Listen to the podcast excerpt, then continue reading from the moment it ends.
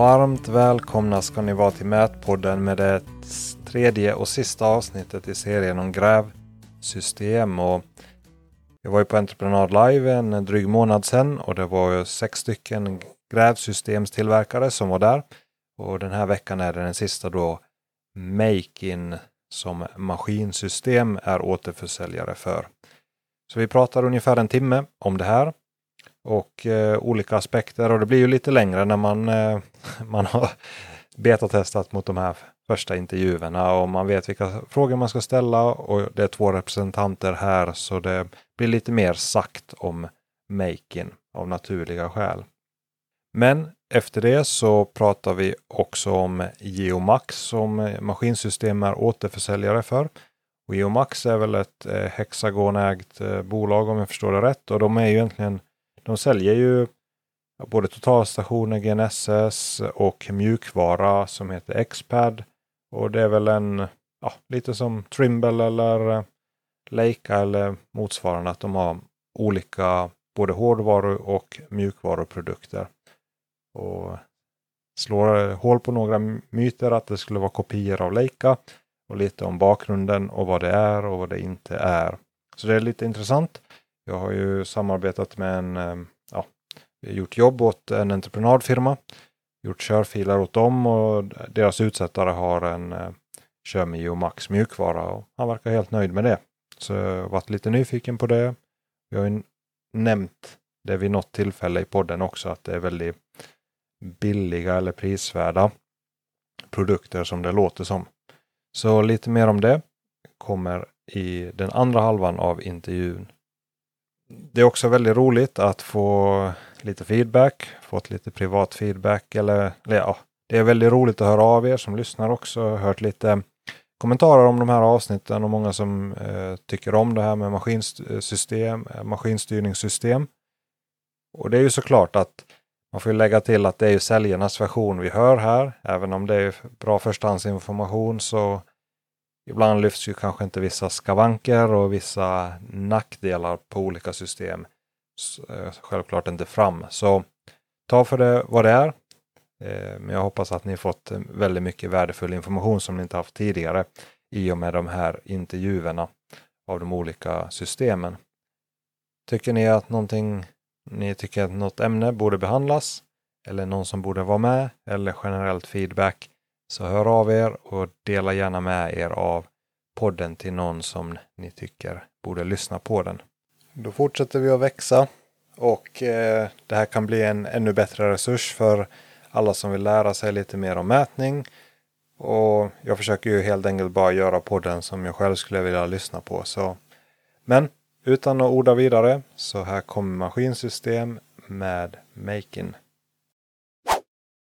Då har vi kommit fram till eh, maskinsystem och grävsystemet Makin och då har jag två representanter för det här. Så ni kanske kan börja med att presentera er själva. Om ni börjar med dig kanske Simon? Ja, Simon Skinnars heter jag. Ehm, det, det låter så att du, du säger Makin. Ja, det kan, hur, hur uttalar man det? Eh, det? Det är ursprungligen en ordlek med making, alltså göra 3D. Making 3D. Precis. Okay. Så jo. makin eller, eller making? Making, alltså engelska. Det, det, okay. De försöker att rätta oss hela tiden ifrån eh, både danskt och norskt håll. Okej, okay. ja. ja. Vad har du för roll på eh, i det här hela? Ja, idag så eh, jobbar jag både med ska man säga, någon slags ihophållande, lite vd-roll och sälj. Sen är vi lite speciella. Vi, vi försöker att alla medarbetare ska kunna göra nästan allting. Eh, från offert till support till ja, nästan installation. Det är inte alla som klarar det, men eh, att man får vara med och hjälpa kunden genom hela processen. Det, det är väl en bra, bra tanke. Och Patrik, du är med här också för de som... Stämmer bra det. Patrik Larsson heter jag. Och eh, jag jobbar med eh, försäljning och eh, också en hel del att försöka, jag och Simon tillsammans försöker driva Making då mot eh, för den svenska marknaden och har då hela tiden täta diskussioner med, med utvecklare. Så att eh, vi lyssnar in mycket på vad våra kunder tycker och försöker anpassa systemet därutefter. Och också håller en hel del i våra Geomax-produkter med eh, internutbildningar och också externa utbildningar. Mm. Och de pratar vi om lite senare. Men om man tar Makin då, eh, vad, vad, är bakgrunden till det? Jag, jag har bara kanske ett halvår hört talas om det. Så det, jag antar det är rätt så nytt på marknaden. Vad är bakgrunden till det? Hur, hur funkar det? Och ungefär ja, sådär företaget, så hur många system är det, finns det installerade och liknande? Alltså bakgrunden, jag, det är ju en ganska, ett ganska ungt system i förhållande till många andra. Eh, och bakgrunden är ju den att eh, Hexagon som äger både Leica och eh, en, en, mängd olika företag i, i, i vår bransch, de köpte ju som bekant Mikrofin. Jag skulle tippa på direkt årtal någonstans 2011, 2012 kanske. Och i, i det köpet så bestämde man att eh, inom Leica och så vidare så, så vid det tillfället så var det en programvara som görs av SPG som heter UMC 3D. Det är den som vi ska ha i vår maskinstyrning och framförallt då för grävmaskiner. Mikrofyn hade en egen programvara som hette Visual Machine som var väldigt spridd i eh, Danmark men framförallt i Norge. Och när man gör det här köpet så klipper man av Visual Machine och bestämmer UMC 3D. Eh, det fanns en stor eh, återförsäljare i Norge som eh, reagerade på det där, för deras kunder hade ju Visual Machine. De ville fortsätta med Visual Machine. De ville inte byta programvara för någon annan satt och bestämde det. Och likaså så vart det ett par kompetenta programmerare, eh, bland annat Lars Övergård och Erik Selling.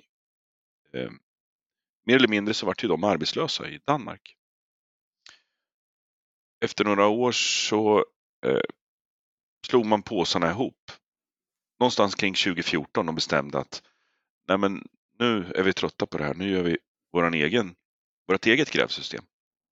Eh, 2018 så släppte man, releasade man det på en eh, Maskinexpo kan man kalla det i Norge. Och då på stående fot samma mässa så fick man in 70 ordrar. Det är viktigt att komma ihåg att det är ett helt nordiskt system med gammalt, alltså erfarenheter från många, många år med grävsystem och tänk kring programvaror och hur det ska funka. Och det som är nytt då, det är ju att det är helt eh, cloudbaserat, Android-baserat. Man garanterar fyra uppdateringar varje år. Det är en garanti på det. Vi har tät kontakt med programmerarna nästan en gång i veckan. Och så följer man en ganska strikt plan för eh, alltså utveckling och den är ju användardriven. Patrik, har jag missat något? Nej, jag, jag, jag tycker inte det. Utan sen att du mm, precis hört talas om det, det är ju inte konstigt för att det är ju ett väldigt ungt system här i Sverige. Jag har väl hållit på i ungefär ett och ett halvt år. Och eh, försäljningsmässigt så, så är vi väldigt nöjda med, med antalet enheter. Det är väl inga, inga hemligheter så. att Jag tror att i, i dagsläget så ligger vi kring en, jag har inte tittat exakt, men att eh, mellan 420-430 system som är ute hos kunder idag. Ja, men då har det ju tagit in sig bra på marknaden. Ja. Eh. Som att eh, första året är ju ett helt nytt system så att vi hade ju en prognos på 50 system. Jag vet inte vad vi landade på Simon. Men att eh, vi blev ju lite grann tagna på sängen så att vi sålde väl en betydligt mer än 50, våra 50 system i alla fall. Ja, vad kul. Hur, hur, ser systemet ut om man tänker sig om man aldrig hört talas om det? Alltså med, eh, hårdvara och även liksom mjukvara? Är det en platta eller är det en enhet man installerar i maskinen? Finns det knappar, eh, ja, sensorer, hårdvara? Liksom lite övergripligt så man får en känsla för det. Om vi, om vi tittar till våran skärm kombinerad med dator så är ju det en, en Panasonic Toughpad. Så att eh, den fungerar ju då både som dator och, och skärm. Eh, sensorer har vi ju då som, ehm, som alla andra system på, på alla delar som helt enkelt eh, rör sig. Och sen så tar vi hand om rotationen då, men det tar vi hand om eh, ifrån sensorn som sitter eh, i, i enheten. Där har vi stöd för, eh, för alla olika modeller idag. Eh, sen så har vi en, eh, en dubbel-GPS och eh, egentligen bara en kopplingsbox då för att eh, få ihop kantsignalerna. Sen så, så monterar vi ju master och eh, kunden har ett alternativ så att säga om han vill ha sin tallrik fastmonterad eller om han vill skruva den den. Så att de eh, försöker väl att förespråka att den ska vara fastmonterad. Dels för att eh, det blir mindre slitage på kablar. Det blir, eh, man behöver inte upp där, det kan vara farligt att gå upp där, framförallt på vintern när det är halt och, och eländigt. Så att i det, i det fallet så, vi har ju våran, våran dator då sitter som in i en cradle. Så att man trycker på två knappar så släpps den loss. Så har vi gjort som ett litet eh, ett litet neopren, neoprenfodral. Och så får de med sig en liten ryggsäck och lite, lite sådana saker. Så att eh, det blir ju snabbt för dem att eh, både komma igång och komma därifrån. Ja, så man kan ta hem sig plattan. Är det Android eller Windows på Panasonicen eller hur funkar det? Ja, det är Android. Och det är väl, det, det, jag vill bara pinpointa några grejer i det här och det, det är ju faktiskt att eh, eh Makin är ju alltså inte en tillverkare av hårdvara utan man gör mjukvara och integrerar hårdvara. Och, och, och, är man då duktig på det och snabbt kan adaptera olika typer av sensorer, GPS och så vidare så, så, så för kunden så det ligger liksom en, en trygghet i det där att de skannar marknaden och man försöker hitta eh, det bästa eh, på marknaden. Och sen kommer ju det naturligtvis att förändras och som Patrik nämnde där, en, en Panasonic tuff tablet, det, det återfinner vi hos NATO i, i militära anpassningar. Den, den, är verkligen ruggad och, och eh, spesad för det här. Det, mm. det, är ingen... ja, det är en väldigt bra platta. Ja. Det är det. Eh, om, man, om man då smyger in på det här som fördelar och så här. Vad, vad, skulle ni säga? Vad är ja, målkunden kanske är allihopa, men eh, vad är liksom huv huvuddragen? Varför ska man köpa eh, Make-in system då och vad är, vad är liksom huv huvuddrag som är, sticker ut? Jag ser ju framför mig eh, den stora anledningen är ju just att det, det, är uppbyggt på så sätt att det är en integration av olika hårdvaror. Eh, och sen när det är, alltså att det är en ren cloudbaserat system. Det är inga synkningar, det är ingen FTP utan så fort du släpper en fil så uppdateras det på alla de enheter, eh, making, eh, grävmaskiner, rovrar som finns på det projektet. Har man making, grävsystem och rover, eh, i making-världen kallar vi det för stake-out. Eh, man ser varandra på projektet i realtid när eh, bom och sticka och så vidare rör sig, när mätkillen springer. Man ser vart alla är på projektet och har Nisse mätt in det här, då behöver inte jag mäta in det där. Man ser varandras inmätningar. Eh, allting lagras i cloudet, så skulle det bli stulet, skulle det försvinna någonting så finns data kvar. Eh, du som kund, du får en del av cloudet, vilket innebär att du kommer åt alla de verktyg som, som också vi har när det gäller support. Du kan ge intern support, koppla upp det på skärmen och visa killen hur han ska göra.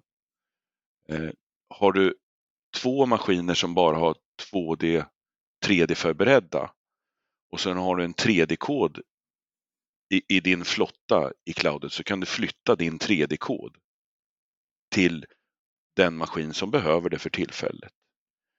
Eh, skulle det vara så att det blir stulet så ligger 3D-koden på clouden. Det är inte den här gamla tänket om att blir det stulet, ha ha ha, ring ditt försäkringsbolag och, och du måste köpa en ny, utan du har full kontroll på dina enheter via clouden.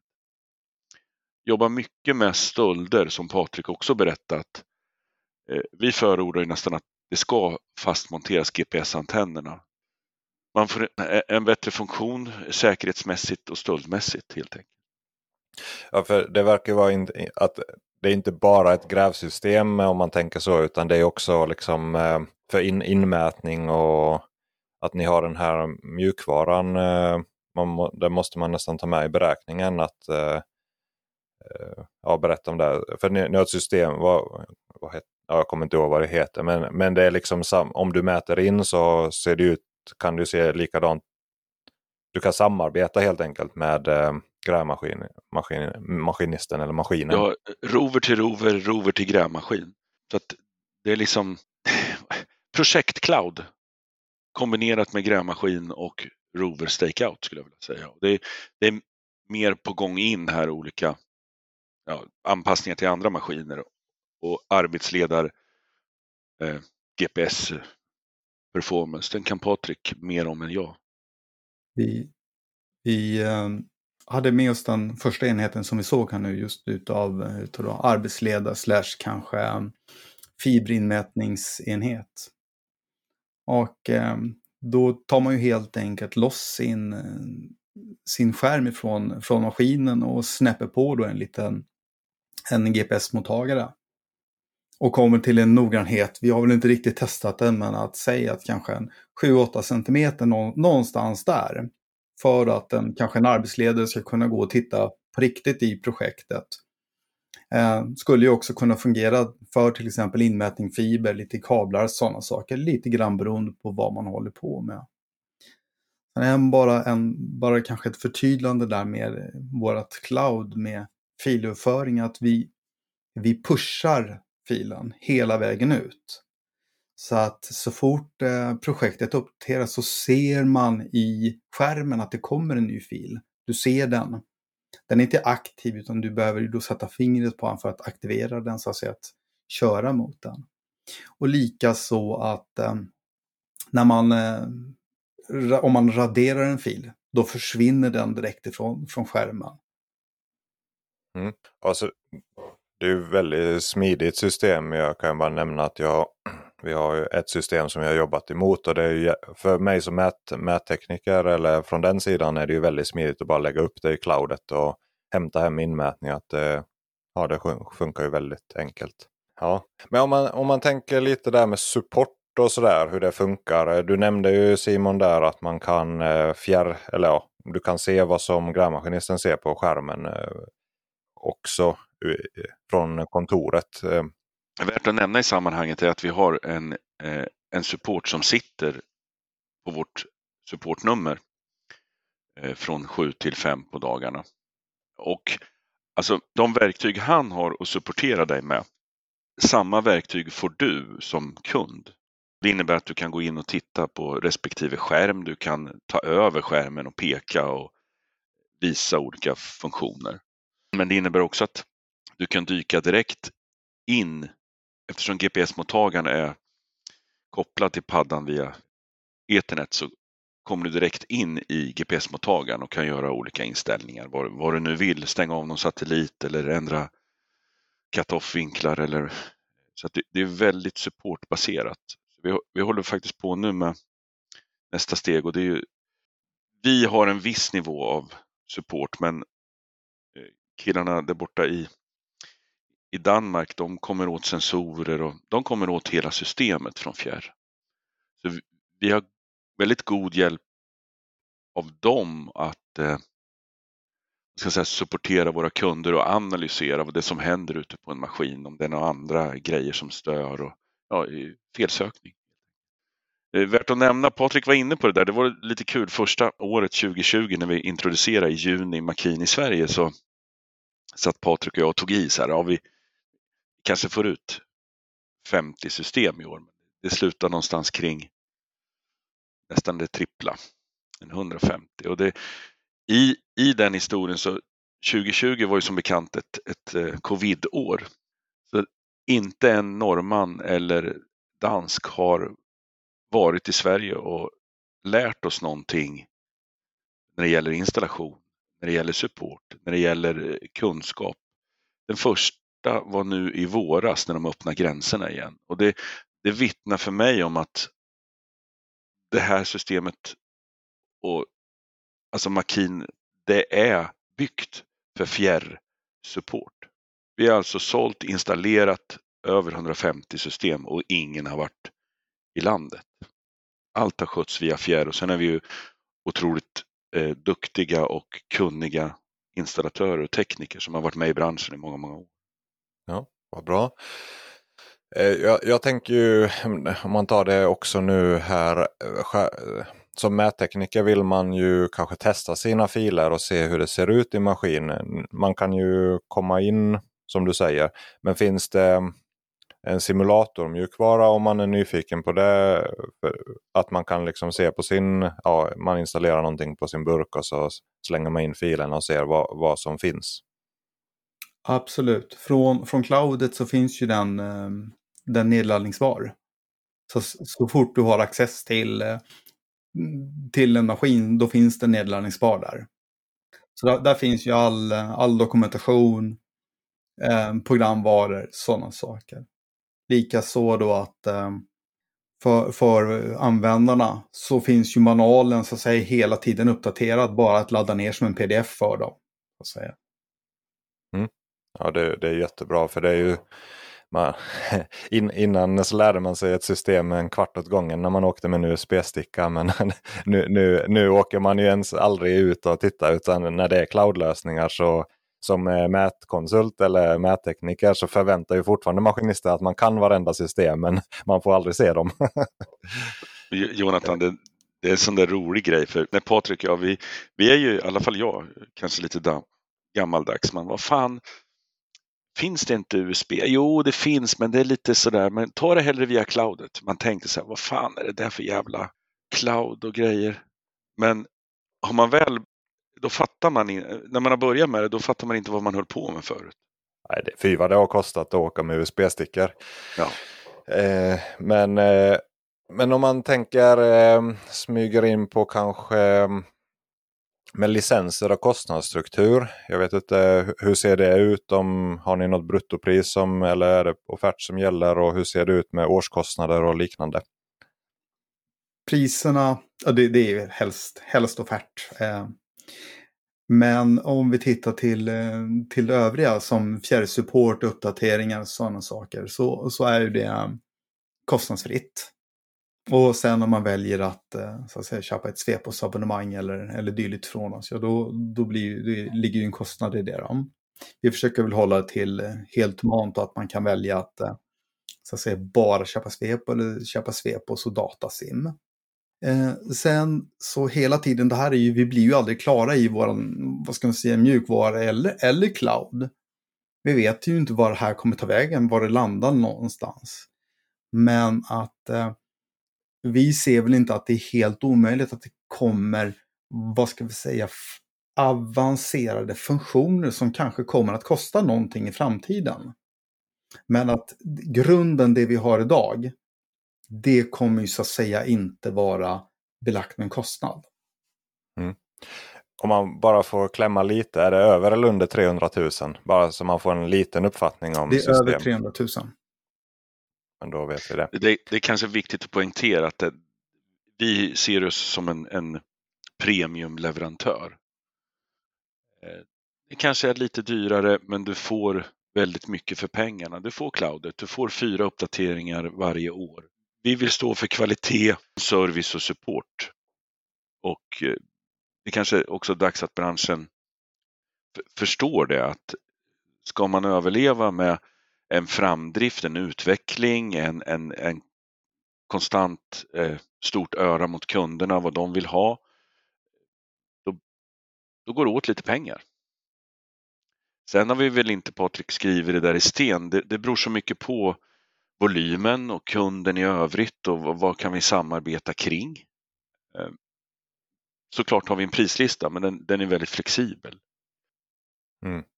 Men, men det, det, är ju bra att poängtera, alltså premium. Man har ju lite olika mål också, hur man, ja, vad man har för mål. Så det är ju bara så man, den som lyssnar också vet ungefär. Man, man dras ju till olika saker, vi är ju alla olika. Jag kommer tillbaka till det här med fyra, garanti på fyra uppdateringar i programvaran varje år. Det är unikt i branschen. Eh, när det kommer en uppdatering så släpps den ut i olika grupper eh, centralt ifrån, ifrån oss. Då. Så man har en, eh, kallar det för testgrupp A. Så rullar man programvaran någon vecka och så får man ihop antal timmar och sen går den ut i grupp B, grupp C. Eh, det här sker helt automatiskt. Det kommer en pil, då har en uppdatering. Så trycker man i skärmen och uppdateras. Ihop med i cloudet så kommer också en uppdaterad manual och, och så vidare. Och så vidare. Så det, ja, då, då har ni liksom, det är inte bara att man får en super alfa-release som inte är testad utan det finns, alltså det rullas ut lite strategiskt i alla fall. Det, ja, absolut. Det viktigaste för oss är ju stabiliteten. Eh, så att säga, hellre, hellre stabilitet än en ny funktionalitet. Det, det är ju primära, att man har ett fungerande system. Och, och tittar vi lite grann på, på våra maskiner så förutom de som nu kör våra testversioner så har 100% utav alla användare samma mjukvaruversion.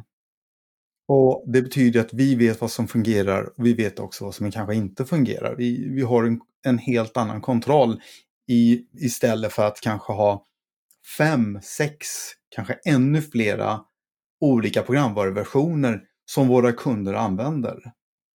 Så att vi tvingar ju mer eller mindre våra användare att så att säga installera den senaste versionen. Vi tjatar i hål i huvudet på dem. Dyker upp, vill du installera det här? Om man då kryssar det, nej det vill jag inte. Så får du frågan dagen efter och dagen efter och dagen efter. Till slut så då, installerar du, du vill bara bli av med eländet. Och det tar två minuter så är det installerat och klart. Ja. Eh, om man går in på lite mer tekniska detaljer så här med eh, aspekter av det. Vilka filformat är det som är standard och vilka stödjer ni? Vi arbetar med eh, Landexmel LandXML och DXF idag. Sen så har vi pratat om lite andra filformat också. Men att vi märker väl att nej, vi, vi vet inte finns, är det så stort behov med att klara av små, eller små, små ska jag inte säga, men rent lokala filformat som vi har här mycket då, som till exempel en .j eller .trm, tycker väl att vi hör väldigt lite, mycket, mycket mindre än vad jag hade förväntat mig. Jag hade förväntat mig att, att det här är jättejobbigt eller så, men jag, jag tror också att mätarna idag har blivit så van med att arbeta med flera olika instrument eller olika maskintyper. Så det är inte ett problem idag utan jag skulle vilja påstå att alla bör arbeta med de filformaten. Vi bör inte hålla på med eh, lokala filformat utan man sätter någon form av standard. Det blir ju enklare för alla. Och mer eller mindre så det, må, det är väl gå mot det att det är väl närmaste standard man har LandXML och DXF. Ja. Eh, kan, om man tar LandXML där, kan man ha flera ytor i en LandXML-fil eller har man en yta per LandXML-fil? Och, eh, och LandXML kan ju innehålla väldigt mycket. Det är väglinjeprofiler, du har, ehm, och du har ju punkt, nej, punkter och linjer kanske inte finns. Men som från Civil till exempel som jag ritar i kan man ju exportera både pipe networks och grejer ut i LandXML. Så det är väldigt brett format, det är inte bara ytor. Du, du tar upp en, en, eh, en sak som vi kanske har missat att nämna i sammanhanget. Om man tänker sig att för en, jag tror det är väl en tio år sedan snart så antog ju Norge ett sånt här stort vägpaket. Man skulle bygga ut jättemycket vägar, vilket man håller på med än idag. Och, eh, en framträdande programvara i Norge är ju Gemini vet inte om ni har hört talas om det. Ja, vi, kommer, vi har intervjuat Gemini så det kommer komma på Mm. om, Så lyssnarna i alla fall. Gemini och Makin hänger jättenära ihop när det gäller filöverföring. och Så vidare. Så, vidare. så att det, det du tar upp det är sådana här multiskick från, alltså i LandXML-formatet med flera olika linjer och modeller och det går jättebra rätt in. Vill, du eh, kanske, hur, hur hänger eh, Makin och Gemini ihop? Eftersom Gemini är väl kanske den mest spridda programvaran i, i Norge när det gäller de här eh, motorvägsbyggena och ja, kanske som Geo har varit eller är i Sverige. Så har Gemini tagit de- den platsen. Och eftersom Norge är eh, lite före oss i, i sälj. Jag vet inte Patrik, hur många system har vi ute i Norge idag? 900 ungefär. Ja, och ursprunget till den här eh, återförsäljaren, de, de är ju inte bara maskinåterförsäljare utan de är även mätkonsult och de använder Gemini. Så all så att säga, intern testning och eh, utvärdering är gjord utifrån Gemini. Sen, sen så Gemini, Gemini håller ju på att, säga, att direkt ifrån från projektet så att säga, knyta in det till vårat cloud. Så att filöverföringen blir egentligen bara att man väljer till, till making så att säga. Så, så kommer filerna på rätt plats så att säga om man, om man har sin in, inloggning. Men det där, det där sker ju i, i, i Norge då, den, den delen, i och med att där huvudprogrammeringen eh, utav Gemini sitter. Det är kanske lite, det är väl lite som från Geo så kan man ju trycka ut i Connex finns det ju integrerat. Men det, alltså att Gemini, Gemini kommer kunna trycka ut i Making. Jag vet de har ju något samarbete med Moba också. Det lät som på dem att de hade de tänker ju på det här med API-kopplingar. Ja, men exakt. Exakt, att man, att man vill, eh, vill arbeta med flera leverantörer. Det är väl jätte, jättebra. DXF och LandXML, där, där finns ju en sån här att DXF är ju fa fasta format eller vad man ska säga, linjer. Jag fick en kommentar eh, av en maskinist. Han gillade inte att man inte kunde justera linjer. Eller säg att man sätter vattengångar, brunnar och så har man en vattengångslinje i DXF och så sätter man brunnen, flyttar man på plats för att det var något som var i vägen så hamnar den två meter i sidled och så satte man den fem centimeter högt. Och så då punkt, punktreferens är ju någonting som han i alla fall uppskattar att man kan antingen uppdatera en punkt eller skapa en hjälplinje från en punkt till en annan. Hur funkar det när man har eh, Finns en sån funktionalitet eller är det någonting ni funderar på? Ja, det, det, det, det, gör- det. Och eh, vad ska man säga, när, när man... Vi har egentligen två sätt att mäta punkter. Dels så sätter du ditt redskap, skopan, och mäter en punkt. Vad man kan göra därifrån om man vill göra en, en, ehm, en höjddifferens är att man gör en deltahöjd. Man gör en deltahöjdsförflyttning. Ibland når du inte ner till till exempel vattengång. Då mäter du ovanpå brunnen och så mäter du ner med tumstocken. Och, det är deltahöjden, två meter Ja. ner. Minus två. Och det andra alternativet är att du mäter, du mäter punkten och där har du möjlighet så att säga också att skriva en, en specifik plushöjd om du skulle vilja det. Eller X eller Y. Ja, Du kan ja, redigera exakt. din punkt. Ja. Det är väl väldigt sällan en, en maskinist börjar ändra på X och Y, men att eh, möjligheten finns i varje fall. Mm. Och när vi har då våra två punkter, ja då kan vi ju då skapa en, en linje emellan de punkterna. Och det, där kan vi också då sen fortsätta till nästa punkt. För den linjen kommer ju också att vara förskjuten. Så då kan vi ju så att säga sluta ihop den. Ja, vad bra, då kan man göra det. Och Sen, Eh, sen till den linjen så kan man också bygga, eh, kallar det för väghalvor då. Om vi säger att det här är inte en, en, eh, en vattengångslinje utan det är en eh, vägmitt. Så kan man eh, 2,5 procent minus och 3 meter och så kommer diket och så kommer bakslänten och sen så man kan veckla ut sidorna o, så man kan obegränsat. göra det i, i, i, från grävmaskinen kan man göra det. Ja, ja. Snyggt! För det, om, om ni inte jobbar med korridormodeller eller hur man ska säga med normalsektioner eh, i vilken programvara ni nu använder där ute så ligger ni efter.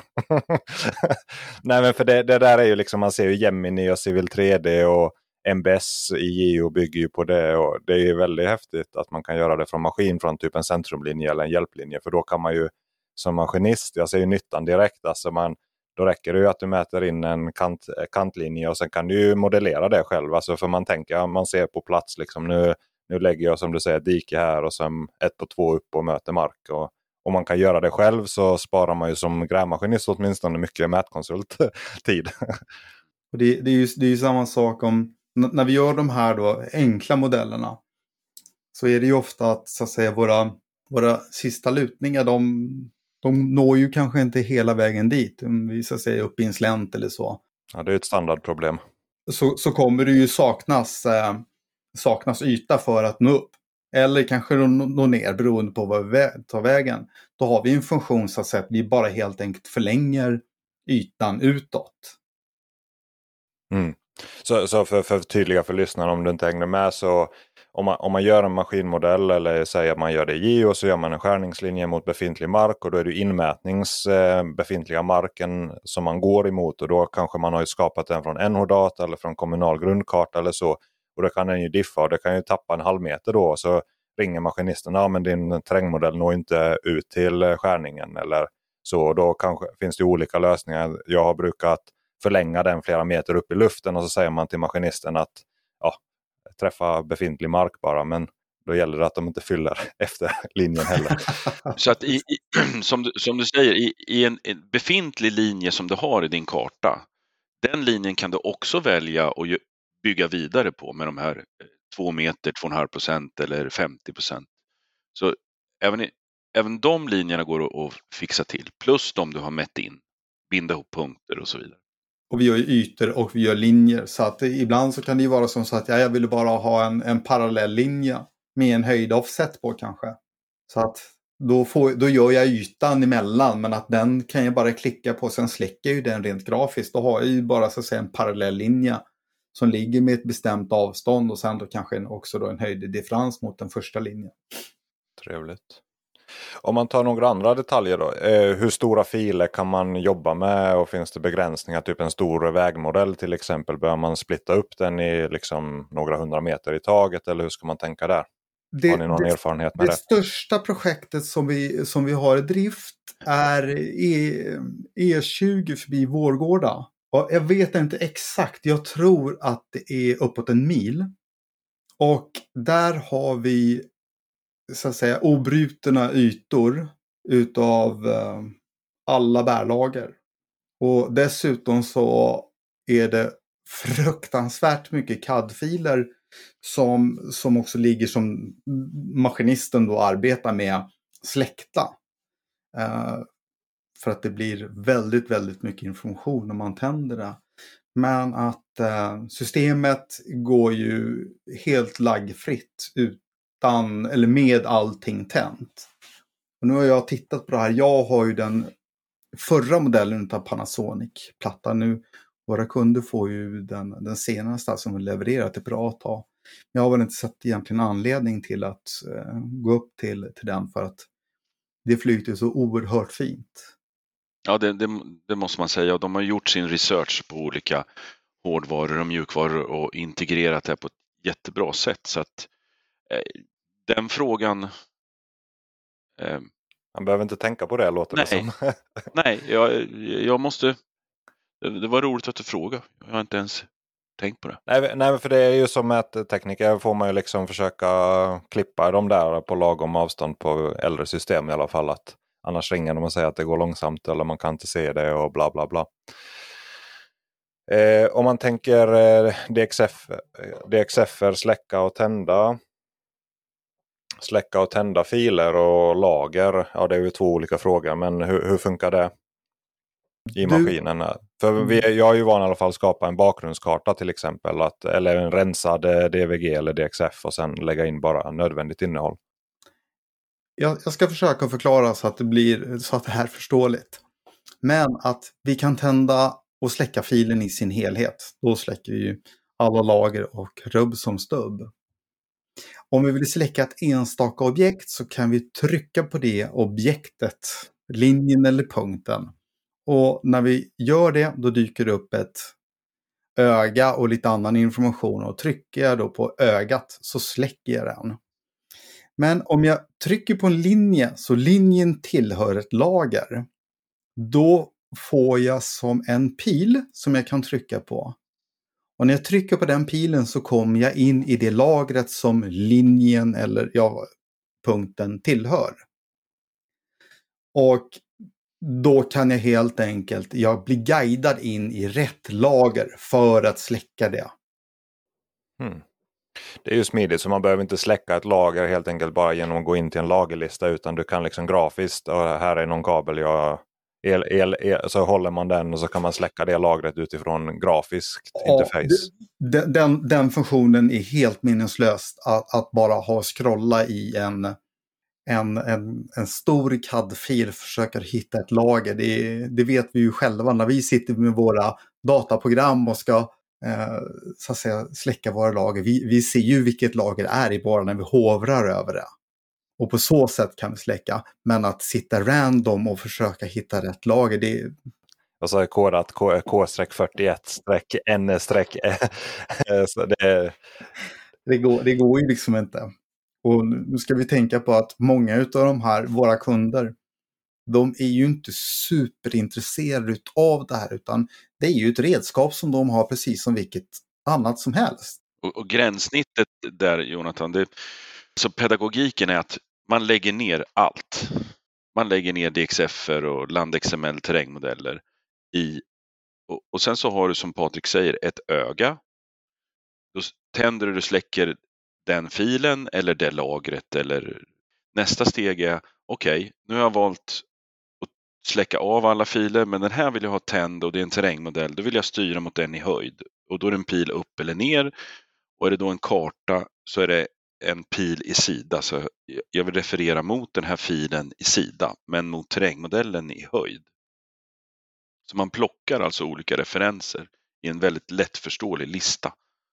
Och vill man ha varningar, eh, det kan vara någon elkabel eller där man inte vill gräva, så ligger den med och klicka i där att kommer jag mer än två eller närmare än två meter så varna skärmen. Det var en bra funktion. Det går säkert, ja det går väl att göra i andra system också. Men det är enkelt att välja. Liksom, nu ska jag tänka på den här vattenledningen eller elkabeln och bara lägga till som ett varning. Ja. Det är ju som, som Patrik säger där att den generella användaren eller gemena användaren han lager, det vet han inte vad det är, men han kan trycka på skärmen och peka på något och sen brutsch, ja, då kommer det fram att ja, det här var KR 161 eh, fastighetsgränser. Den vill jag köra mot i sida. Vad bra. Snyggt, snyggt.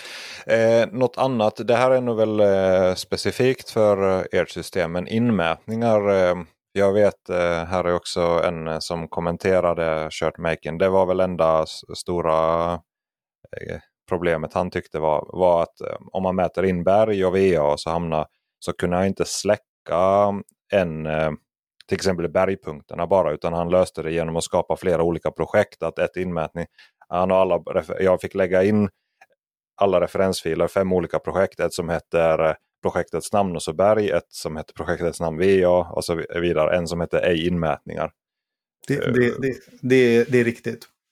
Och det, det, där, det där var ett litet, eller det var ett lite större problem än vad man, vad man kan tänka. I och med att vi, vi pushar punkterna direkt till cloudet. Så vi måste ha intelligens i det där och med, det formatet som vi, som vi skapade punkterna i tidigare. Så då kunde vi inte göra det där. Eller vi kunde göra det men att då följde det inte med hela vägen tillbaka till cloudet. Utan då hade det stannat lokalt i, i maskinen, viss information. Och så ville vi inte ha det, så att därför blev det där lite mer omfattande än, än vad, vi, vad vi först tänkte.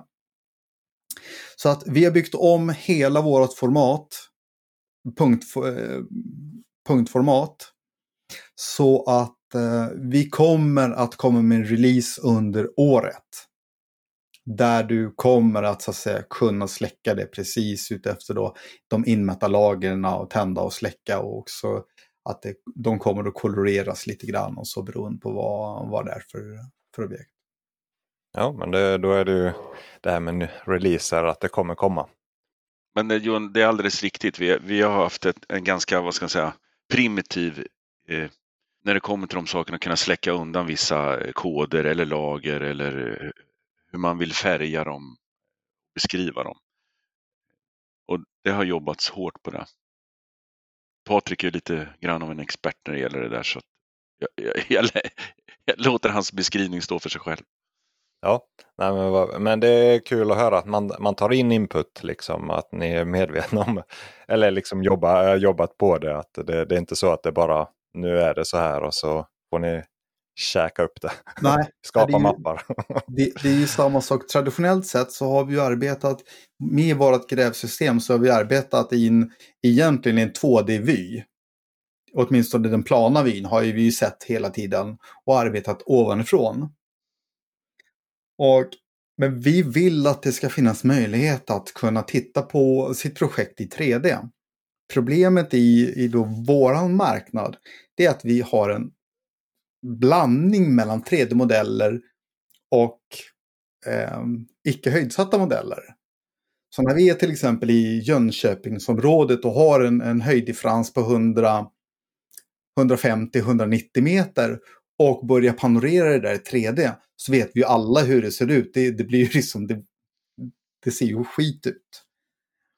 Så att vad vi, vad vi kommer att göra här nu i nästa release, det är att filer som inte är höjdsatta kommer vi att flytta upp till maskinen. Bara rent grafiskt. Så när vi tittar runt tredimensionellt så kommer det se bra ut. Om jag väljer en 2D-linje för någon form av utsättning så kommer jag inte ha ett alternativ för höjd. Utan jag kommer bara kunna arbeta med den i sida. Mm. Ja, det är ett smart sätt att lösa på det. Alltså, för så är det ju i kadden också. Ja, man roterar, eh, ja, centrumpunkten blir ju förskjuten eftersom det är i nollan. Då. Mm. Eh, eh, lite grann, det där har varit en, en vi har ju haft, alltså när man har suttit på supporten så har det ringt, äh, det blir skevt säger de. Uh, uh, jaha, ja, jag hoppar ut och tittar och då har de ju en DXF som ligger i nollhöjd och sen har de en terrängmodell som ligger i, vad vet jag, plus 50. Och så ska man titta på det där i 3D och det blir ju en, en, en eh, det kan upplevas som skevt. Det är lite grann som att sitta på en, på en båt och titta ner på botten.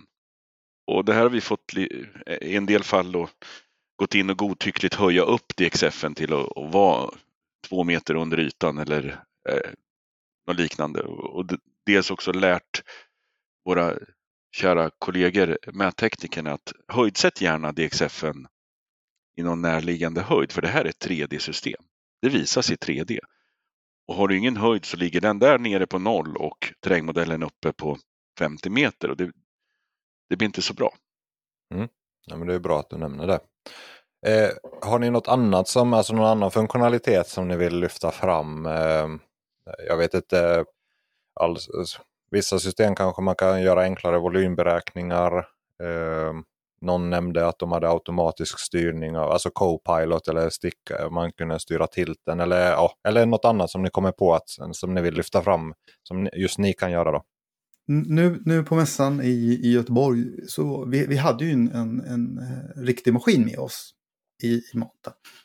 Och det, det är så himla skönt för att när man pratar med kunder så man kan visa skärmen och man kan visa hur modeller funkar, att det flyter på väldigt fint i, i, i väldigt, väldigt stora projekt så flyter det här jätte, jättebra. Men så säger man alltid så här att vårt system är otroligt, du får, det är snabbt. När du ställer ner skopan så stannar systemet. Det är en väldigt bra följd däremellan. Och då var det så skönt nu att ha maskinen för då kunde man säga kom så hoppar vi in och tittar lite grann. Sätt ner skopan lite hastigt här nu. Och det är det är i stort sett, ja det är, man, man märker inte så att säga att du har en, en ett tidsglapp mellan där utan det bara blir bom stopp. Mm. Så, så, så standard. Det är väldigt responsivt helt ja, enkelt ja. I, i, från verkligheten ut i skärmen. Mm. Ja, det, det har att göra med att sensorerna är ju bäst i klassen skulle jag vilja påstå. De har IMU och de är alltså gyrostabiliserade. Men eh, om man tar eh, liksom kortfattat då frågan varför ska man köpa Making grävsystem? Vad har ni liksom sammanfattar pitchen? Även om vi har säkert, ni har säkert nämnt, ni har ju nämnt många detaljer här. Och vad, vad, jag, vad jag ofta brukar säga det är ju att man, det är ju en, lång, det är en långsiktig investering. Det bör det vara för det är väldigt mycket pengar vi pratar om. Eh, om tittar vi till hårdvarumässigt så, så har vi ett, ett helt nytt system. Vi har en helt ny hårdvara när det gäller datorn och datorn det är ju den som vi oftast behöver byta för att hålla uppe prestandan i systemet. GPSen, eh, sensorerna och sådana saker, de förfaller inte lika snabbt. Eller förfaller ska jag inte säga. Men att det krävs inte lika mycket av dem. För att vad vi ser i projekt så det är ju volymen utav filer, storleken i projekten blir ju större och större för att vi får en bättre kapacitet i våra datorer. Och det, det kommer ju inte gå ner.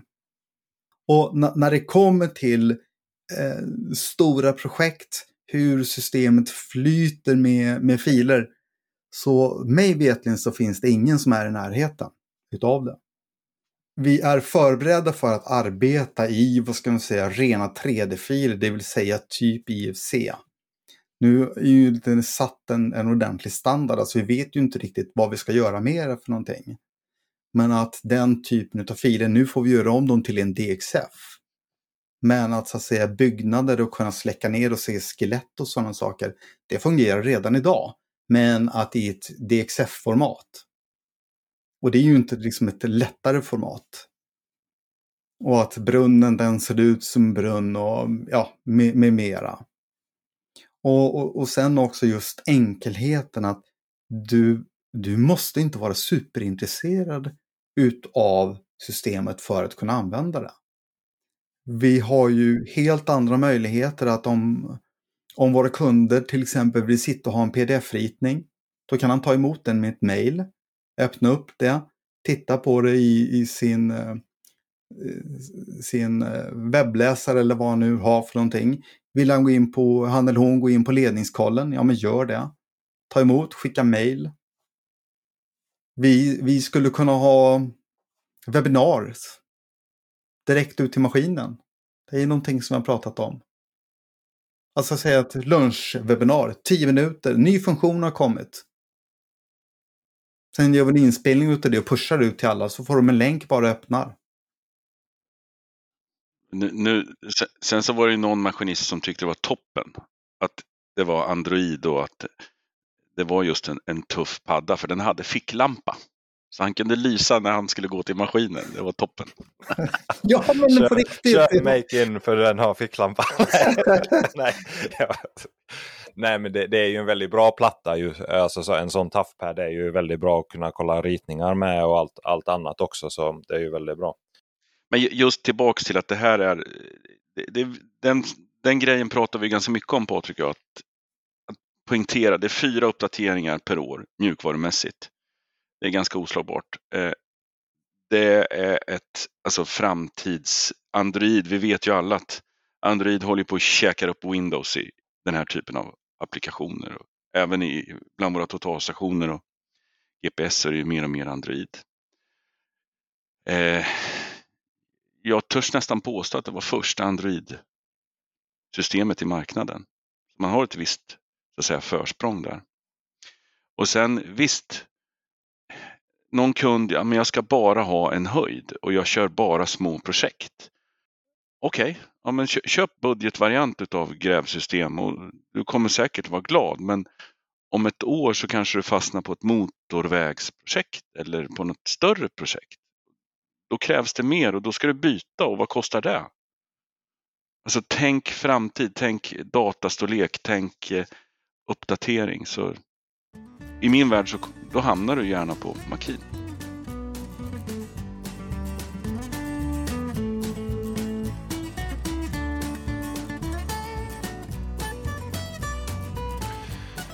Men, någonting annat som ni hade framme, eh, ni återförsäljare för Geomax, och både totalstation och GPS. Jag var lite nyfiken på Geomax som totalstation. Eh, jag har hört ryktas bara egentligen att det är gamla Leica-produkter eller om man ska säga att den bygger på samma plattform. Egentligen vet jag inte så mycket mer om det. hade varit intressant om ni berättar, eller ja, berättar lite om Geomax som totalstation. Då, då, då, tycker jag att vi tar det från början. Och då vill jag liksom slå fast att eh, Geomax är i grunden en programvara. Eh, den första programvaran för totalstation GPS som var i Android. Det är liksom nummer ett. Nummer två, det är att Hexagon köpte programvaran och implementerar sina eh, vad ska jag säga, hårdvaror ihop med den här programvaran. Xpad som den heter. Och att gå därifrån och säga att det är Laicas nummer två och tre. Det skulle i alla fall jag passa mig för. För att om, om man tittar på systemen och hur, hur de presterar så är det så otroligt viktigt, tycker jag personligen, att, att de är integrerade i varandra. Alltså att funktioner med den här hårdvaran återfinns i mjukvaran och vice versa. Sen att i grunden totalstationer, de byggs ju i samma fabriker som Leica. De har en annan färg. De har eh, e-, ett annat tänk framför allt. Och om man tittar på både Trimble, Leica, och, då har de två olika spår. Det ena är surveying och det andra är construction. Det är vi medvetna om. Här finns inte den uppdelningen riktigt utan du, du har funktioner där man inte har någon politik som sätter stopp för i den ena påsen eller i den andra påsen. Eh, och jag personligen, det här är också sån där finding som jag har gjort. Jag har börjat jobba som mätare 93 och har ju mätt med de flesta olika typer av instrument. Geodemeter om det är någon som minns det, som var Trimble, som var i min värld och eh, prova Leica och mätte stomnät och gjort en hel del eh, mätningar genom åren. Och sen fastnar så tydligt för Xpad. För Xpad är någon slags hybrid mellan kontorsprogramvara och fältprogramvara. Du kan, eh, jag har inte sett någon som kan importera och exportera eh, alltså den massiva fil, alltså listan på saker du kan plocka in och plocka ut. Om, om man tänker där, Xpad, är det, så, är det som en kontorsmjukvara också eller behöver man sen ett, en mjukvara på kontoret också eller hur funkar det? Jag försöker ju bara, jag, min värld, jag jobbar ju med Geopad och ett Leica-instrument så jag använder Geo på kontoret och sen Geopad liksom i, i handdatorn. Så jag försöker relatera till det konceptet. när, du, när du kör integrerad mätning med GPS och totalstation, det gör du i Geopad. Eh, Geopad är en fristående programvara från SPG Geo och instrumentet är från Leica men båda ägs av Hexagon. Geomax ägs av Hexagon. Så att Det där är lite pedagogik och hur man vill jobba men våra kunder är ju, det ska man väl försöka slå hål på från Patriks och mitt håll. Att våra kunder idag är framförallt anläggningskillar som ger sig in och vill mäta lite själva. Medan jag har en syn på de här eh, både totalstationer och GPS att det finns liksom ingen anledning att inte mätfolket ska ta det här till sig. Och när vi pratar om mätfolk så utav gammal hävd så ja, det är Trimble eller Leica. Liksom. Och ingenting annat är riktigt rumsrent. Så Kisha har jag sett någon gång men det är nästan bara Trimble och Leica som du säger. och det, och så lär man sig av varandra i det där och så tror man att det inte finns några riktigt bra alternativ. Men nu finns det det.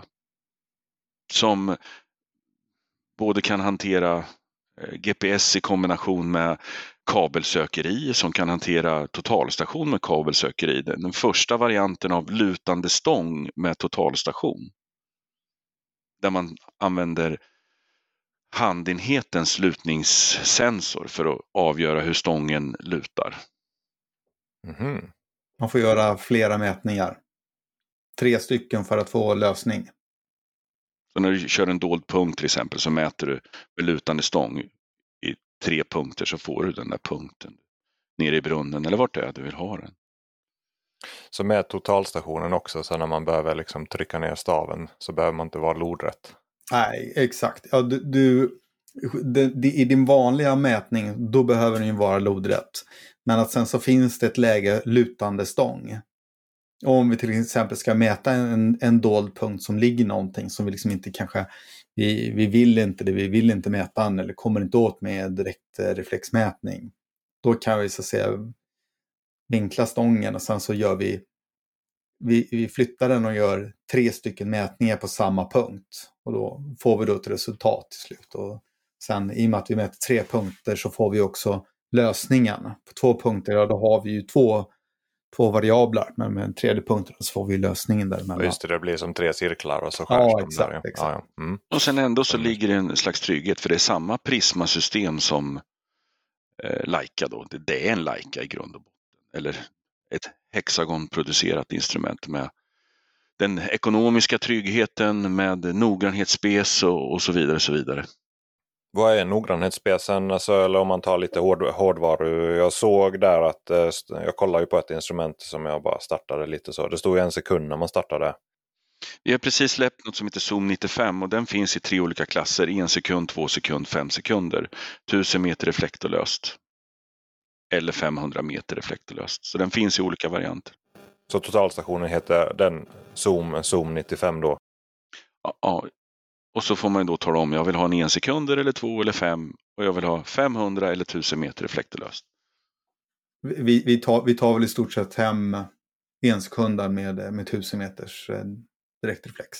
Mm. Det är den som vi har som standard. Lagervara. Är, är det någon, om man nu my, myter eller så. Vad, vad, vad är det för hårdvara om man nu har använt Leicas produkter? Motsvarar det någon äldre instrument eller är det liksom, vad, vad, vad finns det för jämförelse så man får en uppfattning för plattform eller så? Eller är det liksom en, är det vidareutvecklat? Det är en jättebra fråga. Jag kan inte svara på det riktigt. Nej, in, inte jag heller. Utan jag, jag, jag tror, om man, Prova. om man, bara, om man tit, tittar på dem så, så skulle väl jag, jag kanske tippa 16 med eh, modifik- modifieringar. Med vissa modifieringar. Jag vet inte. Men det var bra Simon, prova. Alltså, det, det, det där är ju jättesvårt alltså för att, att jämföra rakt av. Ja, det, man gör väl det, men sen hur man använder verktyget, alltså mjukvaran. För det, det handlar ju så jävla mycket om mjukvara och ställa sökfönster och sök höger, sök vänster, hur man jobbar med olika, alltså beroende på vad man använder, det, vet vi allihopa, du, du erbjuds en verktygslåda. Det gäller bara att veta vilket verktyg man ska använda när och sådär. Så att, eh, det, det är väldigt svårt att svara på. Sen 95an har ju eh, en större processor och man har speedat upp motorerna lite. Men man styr, om man tänker ändå 95 hur är arbetsgången? Jobbar man ifrån, är tanken man jobbar från instrumentet liksom på skärmen eller har man en handenhet där man styr instrumentet helt och hållet? Det väljer, det väljer du själv om en du vill en lägga. handenhet som du styr. Det, det är ju så vi, vi arbetar. att vi Vi tänker ju robotik i Sverige Ja, men ja. Den, har, den har tillräcklig processorkraft för att lägga programvaran i skärmen direkt så Ja. att du kan stå bakom. Och så, sen har du programvaran Xpad om jag fattar det rätt i handenheten som du styr totalstationen med då. Ja. Ja. Och om man, hu, huvuddragen i den funktionaliteten, eh, vad, vad, vad, vad skulle man säga, vad är fördelarna? Eller liksom huvuddragen i det då? Alltså, det- är som jag säger, lite grann en hybrid. Xpad är en liten hybrid mellan kontors... Du kan göra skalera dina ritningar, du kan flytta en ritning och sätta, alltså transformera. Eh, så fort du ändrar ett koordinatsystem så ändras, alltså det är en databas vi jobbar med, så du kan leverera i olika koordinatsystem. Eh, alla tänkbara format ifrån DXF, LandXML, eh, vad heter Skogis, eh, Patrik? Eh, Ja, det kommunala formatet. Nu det Ja. står det still. Ja, det, det, det är en uppsjö utav olika filformat.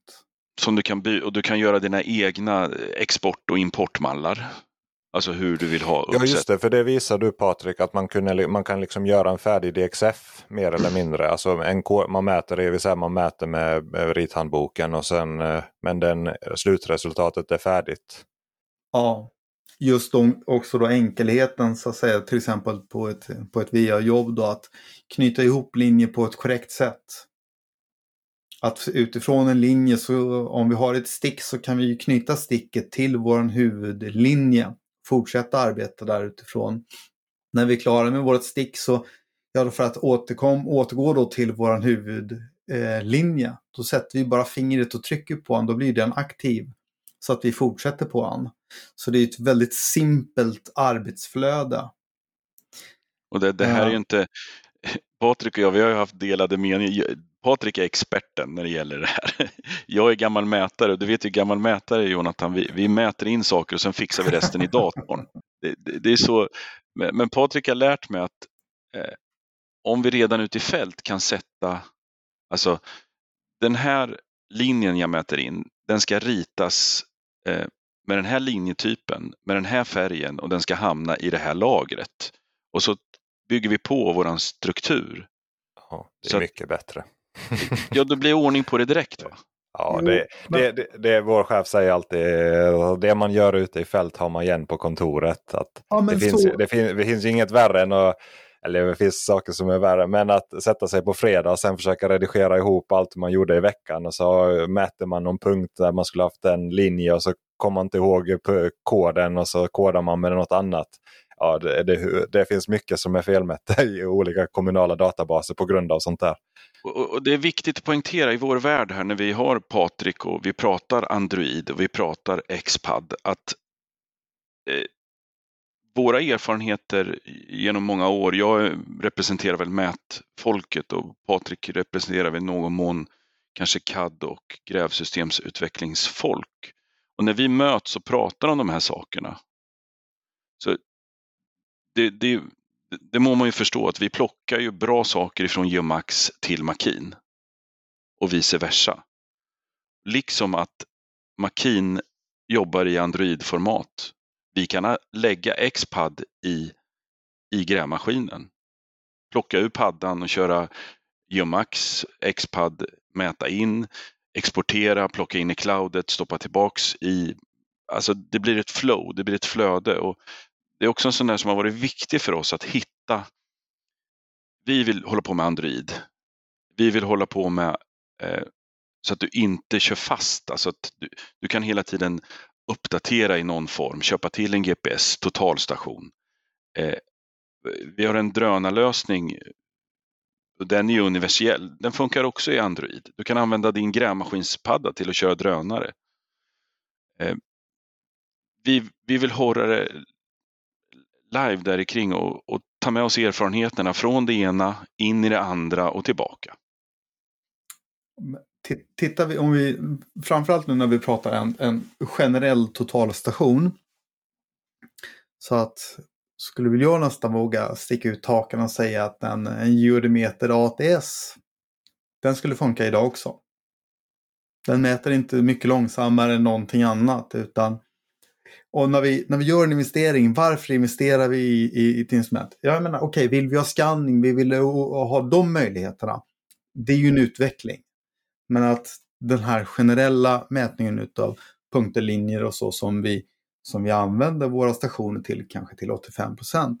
Så att när vi köper någonting så behöver vi tänka så här, varför köper vi det? Köper vi det för att vi gör att den går oändligt fort fram och tillbaka? Hur mycket tid vinner jag på det? Vad, vi, vad, vad tjänar jag min tid? För det är ju den vi är på jakt efter, eller hur? Är det för att instrumentet är vansinnigt snabbt? Eller är det för att vi kanske kommer till att vi har ett program som gör att saker och ting blir mer effektivt att arbeta med? Jag tror ju att vi har en betydligt mer större tidsvinst på att arbeta i ett bra program än ett oändligt snabbt instrument.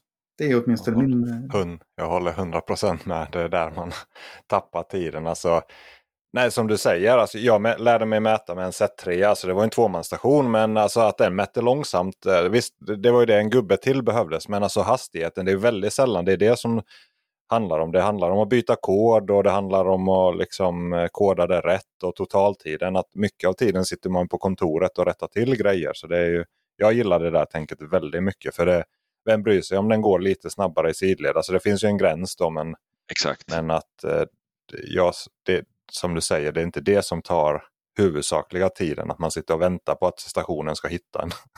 Tycker jag då. Nej, om man lär sig hur man hanterar sökfunktionerna så oftast är det inget problem.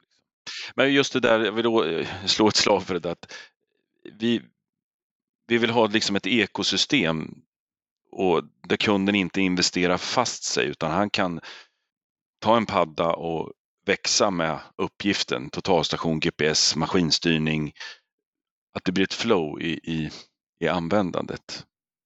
Ja, men det, det är jätteviktigt. Alltså man, finns så mycket programvara idag. Jag tycker det, det är liksom över, liksom generellt oavsett om man håller på med anläggare eller om man är mätkonsult eller projektör. Att man måste hitta det här ekosystemet som är rätt som gör de funktioner man behöver. För annars har man, betalar man massa för olika funktioner och så måste man exportera och importera format och man tappar grejer på vägen. Så att hitta ett system som funkar för det man gör är mm. ju liksom för att få någon lönsamhet på grejerna så måste man ju göra det. Ja, verkligen. Men bara en sån liten uppfattning då just om eh, en Geomax totalstation. Vad kostar en sån i, i runda slängar? Ja, vi har ju ett, ett väldigt, vad heter det? Alltså du får mycket för pengarna i Geomax-världen generellt sett. Eh, det är väl min finding. Och en ensekunders, och det beror lite på vilka, vilken handdator du väljer. Eftersom det är Android så har vi Mesa 3 som kanske är lite eh, väl ruggad och klumpig. Det, det beror liksom lite på vad du gör eh, dagligdags. Um, till en kanske lite enklare handdator. Vi vet ju alla att Mesa 3 och Juniper är ju väldigt, väldigt dyra men väldigt, väldigt bra. Liksom Panasonic-paddan. Vi har lite olika alternativ där. Men om man säger generellt paket, vad ska man säga när vi när vi har de, de mjukvaror som vi vill ha. Och vi har ju då också då har vi GPS-option i det. Och vi har stativ, vi har 360 Prisma. Du är färdig och liksom färdig att börja arbeta så är du en, en bra bit under 300 i varje fall. Mm. Det är väldigt konkurrenskraftigt att säga. Mm. mm. Eh, Nej, det är en eh, Leica handdator, inte billig den heller. Är, hand, nej, nej, men handdatorer måste ju vara bra. De, de får ju mycket stryk och de ska fungera i regn och de ska fungera på vintern. Och, så det är inte där, och snåla där, då gör man sig själv en riktig björntjänst. Eh, bra. Är det något annat ni vill lyfta fram just om Geomax eller det, det ni har? Eller jag känner att jag har fått en mycket bättre bild i alla fall och jag är väldigt nyfiken att en dag när jag får lite tid över testa dem. Ja, men det vore ju jättekul. Slå, ehm. slå, en ping så skickar vi lite grejer. Och även för lyssnarna då, hur tar man kontakt med er om man blir nyfiken på det? Det låter ju väldigt bra. Liksom, hur, vem tar man kontakt med? Vart, vilken hemsida går man in på och så vidare? Eh, www.maskinsystem.com Sen så finns ju alla regioner då och representanter där. Och samlingsnumret är ju 010 457 3333. Där når du support och försäljning. Men att sen i, sen i övrigt då Umax där, det är ju, det är väldigt integrerat i, i, vad ska vi säga, Android såklart. Så att till exempel i början av ett projekt och när man, när man kanske har lite svårt med sin orientering, vad, vart är den här punkten? Så ja, då kan du tända upp då så att du ser Google Maps bakgrund. I olika format. Ja just det, man kunde strömma Google Maps och VMS och grejer. Nej inte ja. VMS men Google, Google Maps och olika kartor, Bing-kartor ja, och grejer. Precis. Du, du, du, kan, du kan också koppla det till en, en, en, en databas också. VMS, om du har, har det. Mm. Uh, men det är någonting jag tycker är väldigt skönt, för jag är väldigt virrig i början, att jag vet inte var jag ska ta vägen någonstans. Men att det tycker jag är bra, åtminstone initialt i projektet. Samma sak att säga, dela sina filer Eh, dels ska man, ska man dela någonting externt. Då kan du bara skicka filen direkt i ett mail. Från plattan då? Ja, ja, absolut. Så att du bara väljer hur du vill, vilket format du vill exportera det i. Och sen så skickar du ett mail direkt. Samma sak då att kunna arbeta med en fil man tar emot i ett mail. Det är ju liksom jätte, jätteenkelt. Och ska det man gäller bara att kunna hitta navigera i, i sin, sin dator. Och det, det kan vi ju som mätare allihopa. Och ska man utveckla det då kan man ju alltså köra G-drive eller Dropbox eller OneDrive. OneDrive, vad du vill och, och, och dela filer. Sen just nu så släpper vi något som heter Xpad 365, ett, ett eget cloud för specificerat Geomax. Då. Ja, men det låter som ett väldigt, vad ska man säga, modernt sätt att jobba på. Ja, har du en Android, det är, det är en dator och kan du Dropbox, då är det klart. Alltså, du, då kan du backa dina data. Det är lite mer handpåläggning än Xpad 365. Eller så kan du alltid mejla filen fram och tillbaka. Kul. Ja, men det är kul med nya grejer. Och Mm. Men vet Jon att det går fortfarande att stoppa i en sladd i en dator och föra över fil. Ja. det är bra att säga det också. För det, det, Och USB. ja. Men nå- någonting kanske för ett, ett företag som håller på med har flera enheter och kanske flera mätare som cirkulerar på olika arbetsplatser. Om vi tittar då kanske en, som en mätkonsult. Att när jag är ute och gör eh, arbete, är på en arbetsplats och jag tror att jag så att säga, här kanske en kollega till mig kommer. Då kan jag göra det som ett, vad ska man säga, i min organisation så delar jag det här. Då delar jag eh, alla mina inmätningar, jag delar mina koder och jag delar all information egentligen så att när min kollega kommer då ansluter han bara, eller han eller hon, till det projektet. Och helt enkelt hämtar hem den datan. Och när han eller hon är där och mäter och jobbar och kanske gör en ny kod, då samlas det upp. Så att när, när den andra personen kommer tillbaka så, så kommer datan redan att vara delad emellan där. det är jättebra på väg, alltså vägprojekt, järnvägsprojekt, alltså kilometer efter kilometer. Det är Ja. alltid de där skarvytorna som har missat typ en punkt eller, eller ett par linjer, 10 meter. Det för att man inte synkade filerna så sa man börja vid den stolpen och så vidare. Att det, alltså bara sån, där tappar man ju tid. kan man spara en, en utryckning till hal, över halva Sverige så har man ju sparat mycket pengar. ja, ja, det blir många timmar. Nej, men sen händer det ju saker. Någon blir sjuk och någon ska byta projekt. Eller, och det, det är alltid svårt de här skarvarna. Mm. Nej, men för det, det, det är ju någonting som jag personligen saknar på Geopadden. Att eh, liksom man har lokal fil och så måste man synka den till datorn och så lägger man upp på server så har vi en win- platta med Windows så måste man ansluta på VPN och så hämta hem den filen och synka den. Så man har, ser vad den andra mätaren har gjort. Eh, förutsatt att de kommer ihåg att synka. Så, Ja. alltså det, det är ett praktiskt bekymmer när man Mm. samarbetar med, i projekt. Alltså det är inget problem om man är ensam mätare. Men direkt när du har två, tre eller fler mätare på ett projekt så är ju den här Ja. samordningen otroligt viktig.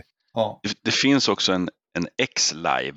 Eh, Vi har testat den lite och det är ju att Patrik och jag kan jobba på samma projekt och vi delar varandras eh, aktivitet och position.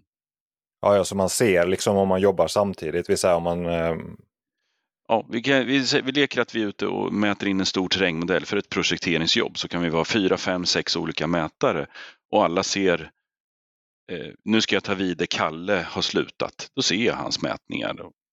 Och är vi där samtidigt så då, då delar vi ju. Vi ser ju vad, vi ser varandra också i, i projektet så att säga. För det, det här är också en sån där med lite erfarenhet att må, många man pratar med, ja men jag ska, jag ska ha en billig GPS. Jag ska bara mäta in en punkt. Ja absolut, du ska få en billig GPS. Men den kan bara använda de här formaten. Och när du ska föra över data och när du ska göra det och när du ska göra det, då, då, då får du sitta och jobba med skiten. Istället för att tänka så här, hmm, vart tjänar jag tiden som Patrik var inne på där? Eh, jo, det är ju oftast i det här att se till så datat kommer in och ut och att det lagras på ett bra sätt. Och tappar du data där, det kan kosta otroliga pengar. Så att återigen, det här med billiga grejer och, och så vidare, så vidare. Vi brukar väl säga så här att Geomax vill vi gärna, alltså som ett väldigt, väldigt kompetent och prisvärt alternativ. ja, men det är bra sammanfattning. För det, för det tycker jag alla, det måste alla fundera på hur man, ja liksom det här ekosystemet, hur får man till det? Oavsett vem som är leverantör så måste man få till en bra lösning där man kan samarbeta mellan olika parter och utbyta data mer och mer och få hantera data. Det låter som ni har ett bra system där. Vi, vi jobbar på det. jag kan väl säga personligen, vi är inte riktigt där än. Jag vill ha mer flyt mellan Makin och Geomax framför allt. Men, men tankarna går åt det här hållet hela tiden. att om, om man har varit med tekniker i så många, många år så vet man hur mycket tid jag har spenderat att göra om den här filen för att den ska passa i Topcon maskinstyrning eller Trimble eller Leica eller vad det nu är. Alltså, och sen när de har mätt in saker och ta emot data, göra om och leverera. Alltså det är extremt mycket tid som har lagts där. För min del. Ja, det är bra Jonathan, ja. jag ser på det. Ja. Han, nick, han ja. nickar Patrik. Nu bara du skickar en eh, Zoom 95 till. ja, det får vi se. Vi hoppas att det är fler som tycker så också när de har lyssnat på det här.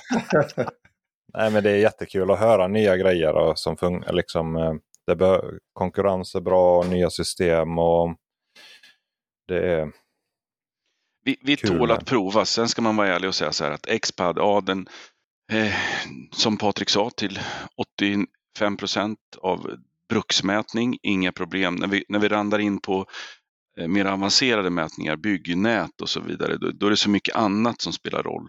Eh, eh kunskap i vilket programvara du ska eh, nätutjämna i och så vidare och hur formatet ska ske där. Vi jobbar på det. Eh, vi brukar kalla våra grejer, alltså som jag sa, prisvärda och eh, vi tål att synas i sömmarna på bruksmätning. När vi kommer till de här eh, fingrejerna, då, då hänger vi inte riktigt med. Vi, vi, vi jobbar mjukvarumässigt för att kunna göra det. Ja, typ nätutjämning, kontrollmätningar och liksom den här biten. Det som är liksom med, alltså det är nischade riktiga mätningar. Men det låter som alltså projekteringsinmätning, alltså när man ska få fram koordinater. I, att, eh, som att det finns ett bra flöde. Jag, jag, kan nämna det för lyssnarna. Du nämnde ju det Patrik, men jag tyckte den här funktionen eh, för eh, mäta in ledningar var väldigt snygg. Liksom att du kan ha en stamledning och sen eh, få med sig sticken. Alltså det, det sparar ju bara där mycket tid. Alltså hålla på och ge, mäta in punkter och sen knyta ihop dem i kontoret. Eh, det är lite omständigt. Utan där, att kunna snappa automatiskt ute i fält och bygga ett, en stam med stick. Bara där är ju en jättefin funktion alltså. Mm. Så bra. Nej men det, det låter som att eh, är man nyfiken så får man ju höra av sig och så får man eh, prova grejerna helt enkelt. Patrik kan nicka igen. Absolut. det, är ingen, det är ingen bra... Eh, det är podd, poddnickningen. jag, hör, jag hörde en nickning. Jag hör den ända hit. Ja. Bra. Nej men vi, eh, vi säger väl så då. Så... Du ska ha stort tack. Tack allihop.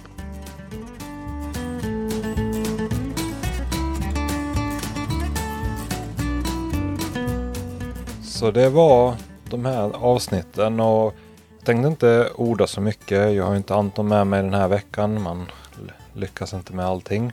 Det är ju en liten, liten hobby eller sidoprojekt det här. Så man, det är mycket man ska hinna med. Men jag tänkte inte orda så mycket om själva eh, maskinstyrningssystemen. Men tänkte ändå det här med Geomax och liknande. Det, det är väldigt intressant tycker jag. Jag har inte testat det så men det här att det finns lite smarta funktioner som eh, jag vet inte, som inte finns i Geopad till exempel. Som det inte händer särskilt mycket i den mjukvaran. Enligt mig då. Jag har inte använt Captivate och andra system så jag kan inte säga så mycket. Men just det här att kunna samla eh, kod, kodningar till en databas och sen eh, kunna transformera om dem till olika format och eh, översättningar rakt upp och ner. Och eh, sätta, ja, både mellan koordinatsystem och mellan kodning till exempel en DXF eller om man vill ha det i VA-bas eller svenskt vatten eller så vidare. Det är mycket energi och eh, järnverksamhet som går åt att konvertera grejer på rätt sätt och få med sig metadata. Och eh, så det, det, tycker jag är väldigt roligt att höra att det utvecklas för det, det, det tar väldigt mycket av tiden att, att koda rätt och få med sig rätt data ut till kunden. Det är också någonting som går framåt där med synkning av filer. Det är ju det där samarbetet att eh, kunna veta och inte vara beroende av att synka filer manuellt. Eh, det är också någonting som är väldigt spännande. Det är i alla fall roligt då att det finns alternativ. Det är eh, det är härligt med en bransch där det händer grejer i. Det finns utmanare och uppstickare. Och har du erfarenhet av Geomax eller äh, säg Sokisha eller Topcon instrument eller liknande så hör av dig så kanske vi kan prata om det och göra lite jämförelse av de systemen också. Så att vi kan få lite information och jämförelser med det. Annars tänkte jag bara runda av här att eh, gå gärna in på mätsverige.se där på forumet. Det händer lite grejer. Börjar vara lite kommentarer. Det finns fler, några eh, skribenter där och forum. Det får man ju. Man kan ju klaga att det inte skrivs och att det inte finns så mycket innehåll eller så kan man göra något åt det. Eh, det tenderar att vara att ställer man frågor där så kommer det lite svar i alla fall. Eh, så bygg gärna vidare på det. Så det är ju en bra resurs. Det har ju funnits flera sådana här initiativ tidigare. Det ser man när man googlar på. Men eh, vi får försöka hålla det li vid liv så att vi får en resurs som mätare att kunna ställa frågor och lära oss mer. Tänkte också slå ett slag för en bra Youtube-kanal. Eh, Mentoring Mondays med Trent Kieran. Jag länkar till två avsnitt om felteori.